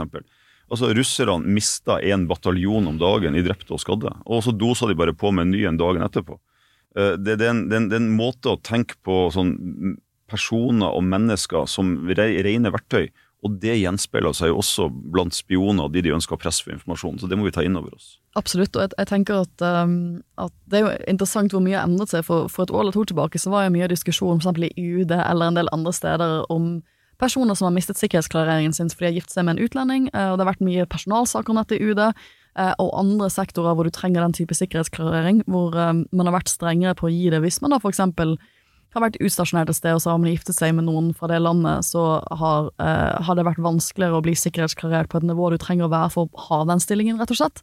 Eh, og det er klart at en del av de Eller at man ikke får tjenestegjort i militæret, førstegangstjeneste fordi at man har et annet statsborgerskap, osv. Og, og disse sakene kan virke ganske ubarmhjertige. Mm. Og det forstår jeg veldig godt, at de som sitter i det, tenker at dette er ganske urettferdig, men som du sier, uh, det er jo også Man må tenke man må, Det er en helt annen stasjon nå. Og, og, det er jo også å ikke putte personen i en stasjon hvor eh, noen i deres familie blir satt under den prestasjonen som du er inne på nå. Og det må man være, være sensitiv for. For det er, ja. ingen som vil komme, det er jo ingen som har lyst til å havne i den stasjonen. Nei, og jeg tenker at I den debatten vi hadde om, om spesielt de som da eh, plutselig erfarte at de, de, kunne ikke få den jobben de ønska fordi de mister klareringa si vi, vi snakket, Den debatten tok egentlig en helt feil dreining. Det vi burde ha sagt, var at vi ønska ikke å utsette dere. Mm for å komme i en situasjon der dere blir pressa. Vi, vi, vi, har ingen mistillit til dere, men vi vet hvor mye uh, Hvis din kjære blir pressa, hun kommer hjem til deg og sier at vet du hva, uh, foreldrene mine eller broren min har nå fått besøk av landets sikkerhetstjeneste. Hvis ikke jeg gjør sånn, eller du skaffer meg dette, så, så, så går det gærent. Forferdelig situasjon å være i, og det er det vi må ta inn over oss. Det er det som kan skje. Det er ikke det at person X eller Y ikke er, troverdig eller på. eller ja. det, det, er faktisk at de kan bli pressa på en måte som er umenneskelig. Men jeg, jeg, tror mange av oss måtte tenke nytt på dette. Jeg, jeg, jeg møtte jo på Stortinget disse tider i fjor. Eh, og da var det klart at eh, partigruppene måtte ha nye typer møter med, med Nasjonal sikkerhetstjeneste bare rundt hva er det vi Hvordan blir man sårbar? For jeg tror man jeg tror det største problemet jeg tenker For meg utenfra så virker en av de større problemene at man nettopp tenker at det er ikke så viktig. Er, jeg kan ikke noe som er Jeg kan ingenting det det har ikke noe interesse å lese mine e-poster, eller det er ikke noe med meg som gjør at jeg er interessant i en sånn perspektiv, for da undervurderer du, og det tror jeg veldig mange, og det er litt mm. fint, sånn, litt sånn norsk naivitet, at selv om man er stortingsrepresentant, så er det lett å tenke sånn, ja, men det er ikke så viktig i det større, store bildet, men det er klart at, um, at hvis det kommer en veldig hyggelig eh, sånn kulturell attaché fra den russiske ambassaden og har lyst til å ha mye kaffe med deg, og du, det er så hyggelig å prate med han, ikke sant. Det, det, man, må, det, varselbe, man må være mye mer um, ydmyk for at man er mye mer interessant enn det man kanskje har hatt lyst til å tro før. Jeg tenker Den personen kommer ikke fra den russiske ambassaden. Dette er en tidligere idrettsutøver i et land som ikke er Russland. Han er kjekk. Han spanderer kaffe på deg. Han lytter til deg du syns han er interessant, og man kan kanskje til og med se for seg at det blir en relasjon, og så har han disse båndene. ikke sant? Det, er, det skjer så raskt. Og den, den, eneste spørsmålet folk som sier til seg sjøl at er ikke så viktig, det eneste spørsmålet de trenger å stille seg, er hvem kjenner jeg Ja. som er så viktig. Ja. Det, og, og svaret på det er han og hun og han og hun, så har du allerede sjøl gitt deg svar på hvorfor du som person er interessant. Hvis du, har, hvis du, har, hvis du er Facebook-venn med en statsråd, som de fleste på Stortinget er, så er du Det er veldig lett. Norge er så lite at hvis du er Facebook-venn med en statsråd, som de fleste av oss er Ja. Det, eh, Ørjan, det, det, podkasten deres har jo tagline 'En ny kald krig'. Eh, Og så lærte vi jo forhåpentligvis en del av den gamle kalde krigen. Vi har vært inne på litt den paranoiaen som oppstod da. Eh, Og så eh, snakker vi nå om måte den helt åpenbare mm, interessekonflikten som, som uansett skjer, eh, hva enn du gjør. Men så har jo da historien fortalt oss sant, måten man internerte japanere på etter Pearl Harbor, at McCarthy, som, um, spesielt i USA, da, eh, har paranoiaen en, en, en, den så gripe om seg. Um, og så, men hva, hva kan vi lære av det for, for å da på en måte um, ha en sunn skepsis versus en, en type eh, en redsel da, så- som, som, som går utover eh, mennesker som kommer fra, fra land, eh, som, som, som du også sier, som, som også er utsatt for press fra myndighetene. Men hvordan, hvordan kan man navigere dette her uten å måtte frata de på en måte sin, sin menneskelighet, hvis det er lov å spørre om det? Nei, altså, hvert fall sett fra mitt ståsted så tenker jeg at dette handler om at man som leder eller som virksomhet må si at vi må ha den gode samtalen. Vi må sette oss ned og si at dette er situasjonen nå. Uh, vi er nødt til å ta våre uh, sikkerhetsregler, altså forholdstiltak. Uh, vi vet at du kan havne i en sånn situasjon. Vi skal gjøre vårt beste for at den stillinga du har hos oss, kan bli ivaretatt. Men du må forstå at, at vi er nødt til å være litt mer forsiktige. Og så ha den åpne dialogen. Jeg tenker at det, men Noen syns at dette er så ubehagelig at de gjør det. ikke sant? Man, man, man skyver det under teppet. Man, man, tar ikke tak i det. Uh, og, og, og i verste fall så er det sånn at da kommer plutselig sikkerhetsmyndighetene og sier hei, hva har dere gjort der? Og så føler du deg plikta til å gjøre det, og så blir det en sånn, der, sånn, sånn nedenfra og uh, ovenfra ned-diskusjon. ikke sant? Der de som har vært i landet lenge, og som er hel ved på alle mulige måter, føler at nå blir de mistenkeliggjort på en umulig måte. Så begynn allerede nå ikke sant, å si at vi lever i disse tidene der dette skjer. Hvordan skal vi få dette, denne arbeidsrelasjonen for eksempel, til å fungere? Og jeg tenker jo også folk som altså, Som du sa med Kirkenes, ikke sant? venner, kollegaer, dette er treneren på, for fotballaget ikke sant? Snakk om disse tingene.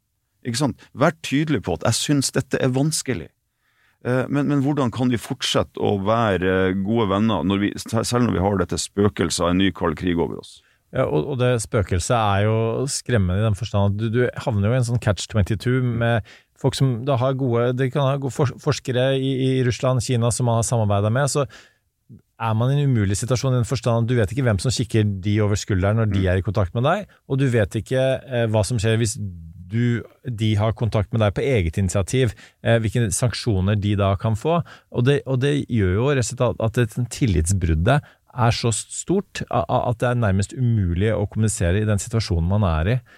Um, og apropos den situasjonen man er i, da. Hvis vi, hvis vi um, går litt mer inn på selve krigen, for det, det er jo noe av det som er spennende med å følge podkasten deres, uh, Ørjan.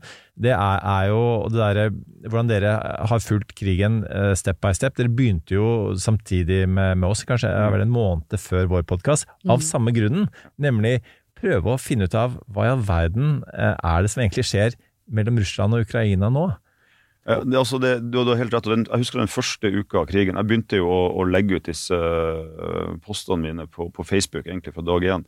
Eh, Jeg hadde sånn åpen kildebonanza. ikke sant? Leste alt jeg kom over. Sto opp klokka fem. Jeg, I skrivinga kunne jeg bare, den, det holdt ikke. Jeg måtte bare sette meg inn. Hva har skjedd siden i går? Forstår de ikke at dette er galskap? Snart må dette ta slutt. Og den enorme behovet til å forstå, men også en sånn idé om at du bare ved å være opptatt av det på en eller annen sånn magisk måte kunne påvirke det. ikke sant? Og det ble man jo ganske skuffa over. Men jeg tror mange hadde det sånn.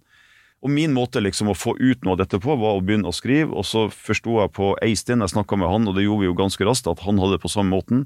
Og så fant vi ut at ok, vi, hva om vi lager denne podkasten? Og da, som du sier, vi har, vi har fulgt krigen egentlig uke for uke, dag for dag. Og det har vært veldig interessant, og det har også Altså, vi har lært mange kjente ting på nytt. Kanskje den mest interessante tingen som, som er en sånn selvsagt sak, men man tenker ikke over det før, den liksom, før det liksom skjer, at krig er vanvittig uforutsigbart. I det øyeblikket du velger å gå, gå til krig, det er det samme øyeblikket du mister kontrollen over krigen. Det er bare å se på Kreml nå. ikke sant? De er på en plass nå der de aldri trodde de skulle være. På dette tidspunktet nå, så, eh, altså for et år siden Altså hvis de, altså nå, Et år etter at de gikk til invasjonen, mener jeg, så tenker jeg at de i Kreml så fortsatt de ville ha sittet inn sin egen Ja, ja. puppet-regime i Ukraina. Zelenskyj ville være i eksil et eller annet sted. Yep. Um, de ville hatt et nytt regime. Ting ville ha roet seg. Ikke noe vold i gatene. Kanskje ikke et så stort behov for en veldig tilstedeværende militærstyrke heller. Nei, og eh, gassstrømmen til Europa ville ha vært stabilisert. Alle ville ha vært sånn Dette likte vi ikke, men verden går videre, ikke sant. Og så er man en helt annen plass. Og, og, men det gjelder jo egentlig all krig. Ja. At i uh, uke én så forsvinner den originalplanen din Yes. vekk, og du må begynne å improvisere. Eh, forhåpentligvis på basis av visse strategiske eh, plattformer. Men du kan jo si det samme om eh, noe av bakteppet da vi bedrev med beredskapen i Brussel, eh, Ørjan. Eh, altså eh, krigene både i Irak og Afghanistan. Det ble jo ikke sånn som Vesten hadde sett for seg, eller, eller de politiske analytikerne hadde sett for seg. Og, og det, det det som er interessant. Du har de militære som noen ganger snakker politikerne etter munnen og ikke er åpne om hva som faktisk skjer på bakken, og de forstår ikke hvilken informasjon politikerne trenger for å ha fått gode beslutninger. Og så har du da politikerne som kan ha en sånn strategisk plan for hva krigen skal gi dem, men ikke tenke så mye på hvordan den faktisk skal kjempes. Så det er en sånn disconnect mellom det militære og det politiske nivået ofte som gjør at krig får helt sånn uventa konsekvenser, og den sprer seg. Og det skjer ting på bakken som du ikke hadde forutsett. Plutselig er det andre nasjoner som ser at de kan benytte denne krigen til å f.eks. fremme sin egen sak. Eh, hadde det ikke vært for at du har disse dette, jeg vil gjerne kalle det så folkeopprøret i, i Iran nå, så, så tenker jeg at uh, de vil i mye større grad ha brukt dekket av krigen i uh, Ukraina til å fremme sin egen sak i sin region. Uh, se på Kina versus, versus Taiwan, ikke sant? Men den, eh, da når Nancy Pelosi var der, altså det er jo ikke så lenge siden, da har du plutselig den største militærøvelsen noensinne eh, rundt, eh, rundt Taiwan. Du har Nord-Korea som i større grad fyrer disse rakettene over Japan, som er veldig tydelig på at de har ganske sofistikerte kjernevåpen. Sånn at det dukker opp sånne andre problemer, geopolitiske problemer, som er veldig vanskelig å ta tak i. for andre aktører får et annet spillerom. Så, for, det, for meg var dette tydel, veldig tydelig under Irak-krigen. da, da har USA gått på en tidenes eh, smell. Um, jeg begynner å studere um, internasjonale relasjoner rundt 2005, og du bare ser at nå begynner en del andre mindre makt å ta seg til rette, for det er et vakuum, eh, og USA står så svekket av at de ikke greier å håndtere verken en insurgency i Afghanistan eller Irak. Eh, og det er litt samme effekten at det, det, det geopolitiske spillet, det er så mange brikker som endres av at, eh, av at eh, mer fokus blir på ett sted og én krig, så får andre aktører et annet handlingsrom. Og derfor, som du sier, er det så uoversiktlig hva som er følgekonsekvensene her. Og Jeg tenker sånn, jeg forsker på dette fra et helt annet perspektiv, jeg forsker på krigsforbrytelsene, men da må du liksom gå inn og se hva var konflikten. Så, men det er en sånn helt annen innfallsvinkel. Men det er jo alltid det at altså, Det inntrykket som sitter igjen når jeg går inn i forskjellige konflikter, er jo sånn Gud, her har det ingen regi. det er lett å tenke på at folkemordet i Kambodsja, ikke sant, planlagt, nøye planlagt. Det, det, det, strides eh, historikerne om, selvfølgelig, men, sånn, men også sånn det er geriljakrig i så mange år, så har man plutselig fått makten, man har plutselig kuppet Plan Penn eh, litt uventet, og så begynner man å, å tenke at nei, nå må man renske litt ut, og så våkner man opp fem år senere og har drept en femtedel av befolkningen i utrenskninger. Det er sånn det, det, Og det, det er litt sånn Det er jo det som er så skummelt nå, at, det, var, det var også mine følelser i dagen etter invasjonen. Jeg var jo også en av de som tenkte at dette er helt irrasjonelt, det kan ikke skje. De konsekvensene vil være så irrasjonelle hvis det skjer. Og så skjedde det. Og det, og det var sånn, nå er det ingen som har Og så trodde jo alle at Zelinskyj Jeg trodde også at Zelinskyj skulle falle. Jeg tenkte sånn Jeg husker vi satt på sånn morgenmøte i Venstres stortingsgruppe, så tenkte jeg sånn Liksom, eh, skal man tilby han eksil? Altså, hva, hva er det, hvor er vi etter helgen, denne første helgen? Uh, og etter det så var det bare som ingen har hatt Det er ingen som har regi nå. Da kan alt skje. Ja, og det, og hvis du husker de, den første måneden særlig etter at krigen hadde begynt, hvor vi leita etter tegn på at Putin hadde mista vettet, at han var gal, at han var syk. Altså, Ja, dødssyk, kreft. Dette er også et utslag på at vi ønsker å finne en eller annen slags rasjonell forklaring på at det irrasjonelle skjer. ikke sant? Nå snakker vi ikke om det lenger. Det er godt mulig at Putin har en eller annen sykdom, eller et eller annet, men det er ikke viktig. Dette, dette handler ikke om det. Dette handler om en, en sånn gammeldags, tsaraktig idé om å gjenreise det store russiske imperiet etter at det ble skamfert eh, etter murens fall, i sånn som man ser det fra Kreml, da, og særlig 90-tallet. ikke sant? Eh, En annen ting, bare for å gå tilbake til krigene. det som, En ting er at nye makter ser sitt snitt til å, å få sine ambisjoner opp og gå, men det er også de krigene vi glemmer. Vi er inne i det ellevte året nå på krigen i borgerkrigen I Syria. i, i Syria. Mm. Og den, en krig som vi ikke snakker om, som er minst like ille, kanskje verre, er jo det som skjer i Jemen.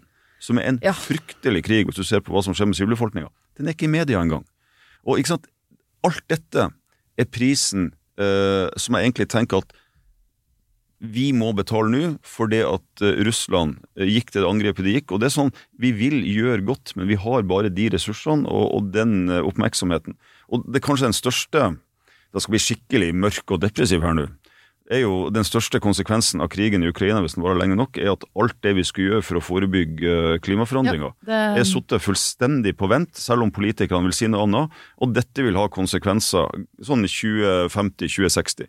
Altså, 1,5-gradersmålet, folkens, beklager, det, det løpet er kjørt. Vi, vi, vi må holde oppe motet og prøve å få ordna ting, men vi er way past, altså. Og dette vet jo russerne også. Oh, ja. Men og allikevel, da, Ørjan, så, så kjemper vi jo disse krigene. Vi sender jo våpen til Ukraina. Vi overser eh, både Hadde et historisk forlik på Stortinget denne uken. Ja, sant. Eh, Og, og, og, det er, eh, og, og, og i denne dagen, eh, altså fredag, så gikk jo, eh, er lov å si friend of the pod, eh, forsvarssjef Eirik Kristoffersen eh, ut og sa at kanskje ingen vinner denne krigen. For sånn er jo krig, Ja, sånn eh, i er hvert fall sett i ettertid. Mm. Og, og, og, men allikevel så kjemper vi det. Eh, Kan ikke du bare ta oss litt med bak den, den logikken? Altså, eh, Hvorfor er det allikevel nødvendig eh, å ta til våpen? Ja, bare for å ta altså det som forsvarssjefen sa. altså det, det kan, Mange kan kanskje bli oppriktig eh, altså reagere oppgitt og si hva, hva, hva er greia, er det defatisme? ikke sant? Er det defatisme? Nei, de aller fleste kriger de slutter ved hjelp av en fredsavtale. Altså Man må sette seg ned og så må man forhandle, og så, så blir det en greie. sant? Det er veldig få kriger som slutter ved at, at noen har vunnet. En ren militær Ja, seier. ja, ja. Det er ikke Det, det, det er litt sånn som, altså Andre verdenskrig var sånn ikke sant, i Europa. Da var det sånn vi, vi, vi, vi skal rulle overalt, og så skal vi diktere. Og Noe av grunnen til at andre verdenskrig begynte, var jo at det var det som skjedde i første verdenskrig. ikke sant? Og Da fikk jo taperen en sånn helt råtten deal, og det grodde som en kreftbyll i, uh, i Tyskland, og så får du disse fryktelige kreftene.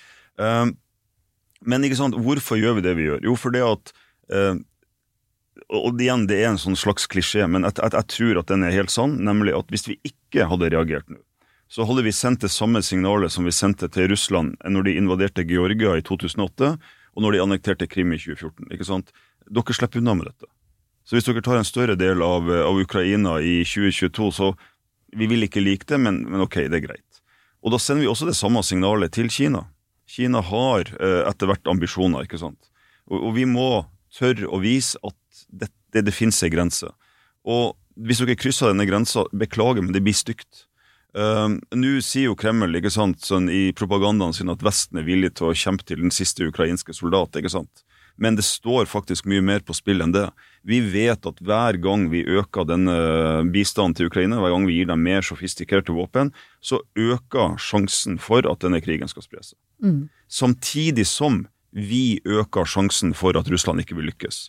Sånn at Det er jo dette som er dette spillet, ikke sant? Og, og, og der har du også for så vidt eh, rasjonale for eh, Afghanistan og, og, Irak. At, eh, at eh, hvis dere huser terrorister som drar til USA eller for et annet NATO-land, så kommer vi og tar dere der dere er. Eh, men, og, og det, den logikken står for så vidt der fortsatt, men det tar veldig lang tid, og veldig, veldig mange mennesker, både skyldige og uskyldige, ikke minst uskyldige, dør i prosessen, og man blir selv ganske desillusjonert og lurer på var det verdt det. Ja, altså jeg må jo si at uh, jeg er ennå- ikke helt over å prosessere at vi var 20 år i Afghanistan og trakk oss tilbake. Ja. Og, med, med det som skjer i med, med det som skjedde. Og det, det, er så, det er så fryktelig. For jeg tror at hvis man hadde hatt blikket på målet de første tre årene, så kunne vi ha gjort jobben, og så kunne vi ha trukket oss ut av Afghanistan lenge før. Så forandra policyen seg med administrasjonen i USA, Og så ble det som det ble, og så fikk du den helt vanvittige Irak-krigen, ikke sant? som også eh, fikk enorme følgekonsekvenser, både for Irak og for Vesten. eh, som blanda seg opp i det man skulle gjøre i, i Afghanistan. ikke sant? Ja, for hvis du stiller spørsmålet grunnen til at man gikk inn der eh, Altså, eh, budskapet, ja, eh, type Weapons of mass destruction. Ja, ja det, det, var jo en, en løgn i seg selv, og da når man da går inn basert på en løgn, så går det jo fort galt. Men, men altså den ideen om at eh, man må stille seg spørsmålet på slutten av det hele, er det nå flere eller færre terrorister som er Ja, motivert altså- til å angripe USA? Og spørsmålet dessverre er jo at det er flere, eh, og, og det er også blir jo spørsmålet man må stille med, med Russland og Ukraina nå. Hva, hvor, når dette tar slutt, og man, altså ble situasjonen bedre eller verre, Mm. hva er, da svaret? Ja, det er liksom, og linken, de, de lange linjene her også mellom at deler av IS-ledelsen møtte i et eh, amerikansk fengsel i Irak. Eh, det var en fin møteplass hvis du først satt der i en del tid, og, og, og møte andre likesinnede. Eller at det som skjedde i Irak, eh, nok farget veldig hva som var reaksjonen til Obama-administrasjonen i Syria. Eh, og når vi nå ser hvordan Russland har brukt Syria som en treningsleir for sine egne soldater og, og leiemordere, eh, og hvordan de, nå, de samme folkene nå er i Ukraina, så henger det, det henger, de lange linjene her henger sammen. Og hvis du går tilbake i tid igjen, så hvor møttes Al Qaida? Jo, i egyptiske fengsler. Riktig. Nei, og ikke sant, Hvis man ser bort fra de første tre årene i Afghanistan, som jeg mener var helt berettiga, da man skulle inn og ta Al Qaida, eh, og nesten klarte å ta eh, Osama bin Laden ikke sant, Man var så close. Eh, Så, så, så, så er det det vi gjør nå, føler jeg. Denne krigen som i, i, eh, som, som Ukraina fører, og som vi støtter fra Vesten, er vel kanskje den som eh, jeg med handa på hjertet akkurat nå føler er riktig. Altså Som amerikaner vil si, den er justified. Men den har ekstreme menneskelige Den medfører ekstreme menneskelige og den viser oss også hva en konvensjonell storkrig faktisk er. Det, det er en helt annen eh, størrelse på dette her enn det vi har sett tidligere. Og den kommer sannsynligvis til å bli verre før den blir bedre, og det er jo det som er så jævla deprimerende. Ja, det, som du sa, var inne på tidligere, det, det jeg, jeg slet veldig de første ukene, men også sliter med å forstå, er dette menneskesynet som gjennomsyrer russisk side. Eh, at det at man sender ut sine egne unggutter til en krig eh, som, er, som for deres side akkurat nå ikke er vinnbar. Eh, sånn, dette mangelen på grunnleggende respekt for menneskelivet. Eh, og jeg, vet ikke altså, hvordan det må være å være en leder som, som tar en del beslutninger hvor du vet at veldig mange kommer til å dø. Og det kommer ikke til å ha så mye å si. Og det, det- kommer ikke til å ha så mye å si for krigens utfall. Det, det har jeg veldig problemer med å bearbeide. Da er vi egentlig tilbake på begynnelsen av podkasten, nemlig spionens eh, rasjonale. Fordi det er ikke tilfeldig at det er en KGB, tidligere KGB-agent som leder Russland, og leder det på verken en demokratisk måte eller en eh, pluralistisk politisk måte, men, men, men som en, en splitt og hersk eh, i skyggene KGB-agent. Ja, og vi kunne jo hatt en hel pod bare om Putin, for det er så spennende. Uh, hvis du ser på måten Han, han var jo KGB-agent i Dresden. Uh, hans uh, store eh, øyeblikk der han liksom forsto at, at, at verden hadde forandra seg, var jo når han uh, hadde disse demonstrantene på utsida av sitt uh, kontor der de holdt til. Han var redd for at de skal de skulle komme inn og ta hemmelige dokumenter. Så de drev jo og fyrte dette i flere dager. ikke sant? Ovnen gikk varm. Og, og han ringte da uh, lederen for den sånn Røde armé-avdelinga i nærheten og sa vi trenger hjelp. Men da hadde han fått i beskjed om at vi, har, vi kan ikke sende soldater dit før vi har fått klarsignal fra Moskva. Vi har ringt Moskva, og Moskva er stille. Moskva er stille. Altså Det er marerittet for hvem som helst som tilhører et eller annet land som er i utlandet. Altså, det er ingen der lenger. Hva skal vi gjøre? Og denne, altså denne, denne, dette å stå der alene og naken tror jeg har Putin har båret med seg siden. Og han forsto at man var avkledd, man var vaktesløs, og dette vil han ikke se igjen. Han kaller jo da murens fall den største geopolitiske eh, katastrofen i eh, det, det 20. århundre. Um, og han kommer til St. Petersburg. Der lærer han politikken. Han er eh, rådgiveren til eh, han som er eh, borgermesteren, eller ordføreren. Og det er også nok der han lærer dette korrupsjonsspillet. Det er jo en vinter særlig der St. Petersburg er i ferd med å gå tom for mat.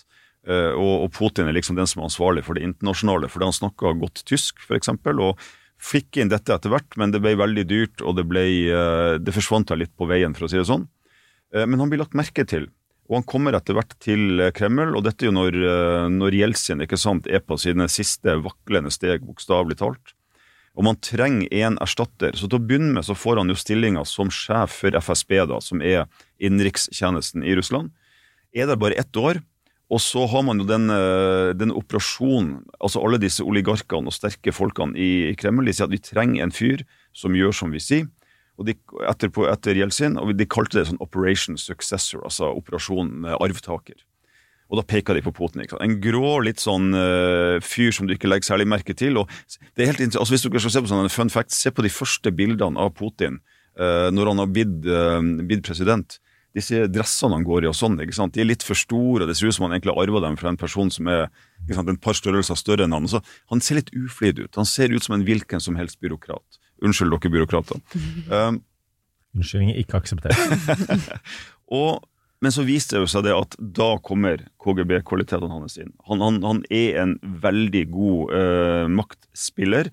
Etter hvert så henter han jo inn de han hadde som kollega i KGB, og har da sin indre krets består av disse som er lojale til han. Han gjør også en annen ting som ikke er snakka så mye om, nemlig at mange av de som har maktpersoner rundt, maktposisjoner rundt ham, kjenner ikke hverandre så godt. Slik at det er vanskeligere for dem å lage allianser enn det ville vært. Utenom, utenom Putin. Riktig.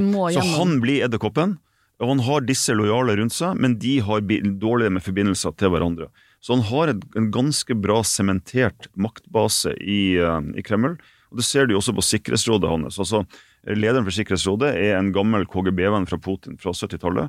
Og nestlederen er jo hans gode venn Medvedev, som vi alle hadde stor tro på. Jeg husker Medvedev sto der og sa at jo, han likte å spille plata, Black Sabbath og Led Zeppelin. Jeg tenkte at nå har vi en vi kan stole på i Kreml.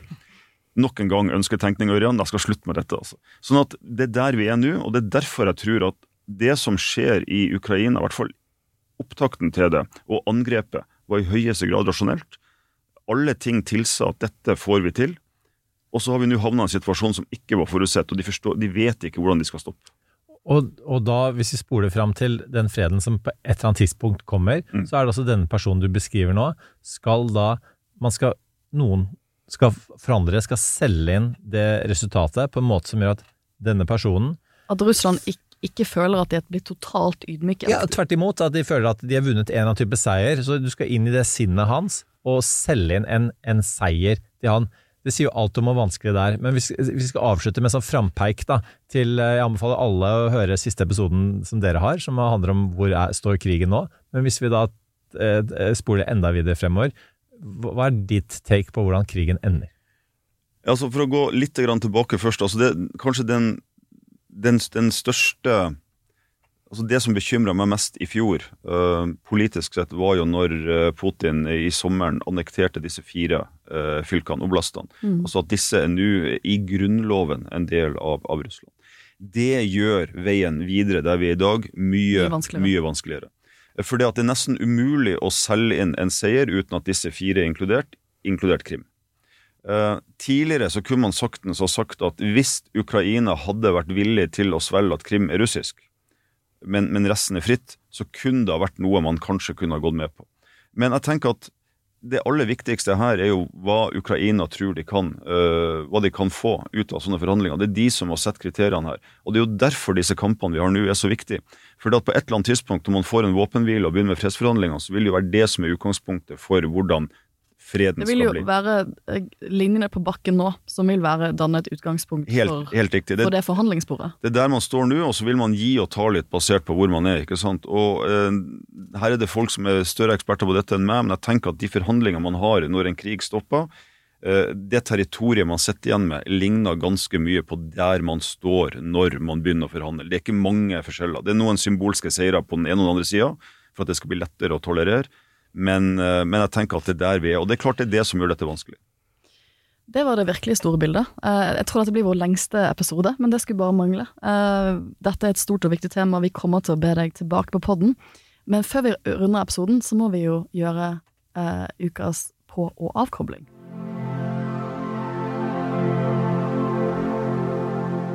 Jeg tenkte bare først å begynne med en, en anbefaling av en bok som jeg faktisk var eh, midt i å lese da Arne Treholt døde, nemlig boka om Igor Gordovjetskij, som var en av de som gjorde at Treholt ble avslørt. Eh, KGB-spion som da hoppet over eh, til den andre siden. Boka heter 'En spion og en forræder', skrevet av Ben McIntyre, og er både fantastisk dokumentarisk og som leses som en, en spionthriller. Eh, og, og, lærte meg iallfall veldig mye om både det som du har vært inne på, Ørjan, om det, hvor karismatiske disse her eh, spionene er, men også hvor på en måte eh, hvor brok, broket deres motivasjon er. Noen ganger er de bare for, forbanna av en jobb de ikke fikk.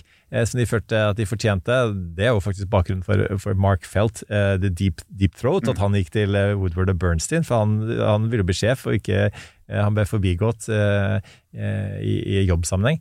Nei, også, og, og, og, den, den er absurd at, at jeg går og hører på en lydbok om annet Arnt når han dør. Og så tenkte jeg også at høre litt med, med deg. Du skal få lov til å anbefale en Eh, en, en, av dine egne bøker, faktisk. Du har, du har, Treholt har vært en sånn fiktiv romanfigur hos deg. Han har faktisk vært det. Eh, det er jo litt kleint å sitte og anbefale egne bøker. Men du får lov. Ja. altså, jeg skrev ei bok som heter Kongens råd, og der er Arne Treholt eh, faktisk en av bifigurene. Da leste jeg også hans bøker 'Alene' og 'Gråsoner', faktisk. Uh, tror jeg den het den siste. ja. Mm. Og, og det, det, Der lærer du ganske mye om hvordan i alle fall Treholt ser på seg sjøl. Men skulle jeg anbefale uh, ei bok som jeg har lytta på nylig, så er det uh, Mark Aliottis 'Putins Wars'. Som gir en sånn helt strålende oppsummering av Putin fra han kommer til makta. Uh, krigene i Tsjetsjenia, i Georgia, den første annekteringa av Krim og da krigen vi er inne i nå. Og det Galliotti gjør, som, som også et, noen få andre forfattere har gjort, er å vise at alt dette er ganske rasjonelt hvis du klarer å innta Putin og makthaverne i Kreml sin, sin posisjon. Altså det, det, det, er faktisk et mønster der. Og så har de fått en bråstopp nå, men, eh, men, jeg tenker at helt frem til i fjor, i februar, så gikk dette egentlig i henhold til planen. Og det er det som er så skummelt. Mm. Eh, jeg har jo Jeg føler at min rolle ofte blir å, å anbefale sånn TV-ting som man kan se på. Men dette er en mulighet for meg å anbefale det som er, virkelig er en av mine favoritt-TV-serier gjennom tider, gjennom tiden, iallfall siste tiåret. Og det er en serie som heter Le Bureau, som er en fransk spionserie som ligger åpent på NRK. Det er sikkert mange av lytterne våre som har sett den allerede, men jeg kan virkelig varmt anbefale den. Den begynte å Jeg tror første sesong er spilt inn i 2015, og siste sesong er spilt inn i 2020. Uh, og det som, Den er jo kritikerrost av mange grunner, men, men ikke minst fordi at den skal visstnok basere seg ganske virkelighetsnært på hvordan man egentlig jobber når man jobber med spionasje, og hva egentlig etterretning er. Um, men, men å, å, gi det det store geopolitiske bildet med sy De er innom Syria, selvfølgelig, som var det som skjedde i 2015. Iran, men også Russland. Hvor uh, virkelighetsnær er Le Byrå, Ørjan? Altså det, det, er sånn at De fleste spioner har en kontorjobb. Altså det er, mm. det er helt riktig. De fleste spioner sliter med reiseregninger. Altså, så Le Byrå er en helt fantastisk serie. Uh, og spesielt de tre første sesongene er briljante. Mm. Så, så, se den. Selv mesterspionene krangler med om diettgodtgjørelse med ja, kontorsjefen sin. Ja, de må tale inn til kontorsjefen og si at men fikk du ikke en gratis lunsj, og da må du sånn stryke det på det, det er sånn virkeligheten er. Det hadde vært så mye kulere om det var James Bond, men det er mer løbyrå, Altså. Og så kan vi selvfølgelig ikke avslutte der uten å anbefale Gråsoner, eh, podden din og, eh, og Eistein Hansen eh, sin. Eh, Rønn, så skal vi garantert eh, ha dere tilbake. Dette ble jo en, en riktig så sveisen sammensending. En mashup. Med det, eh, tusen takk for at dere lyttet så langt. Vi håper at eh, den eh, dramaturgiske kurven var like til stede som i spionebøkene dine, Ørjan. Takk for at dere lyttet. Ha en fantastisk helg, og fortreffelig neste uke. Så lyttes vi neste uke. That's enough. Put down the mic.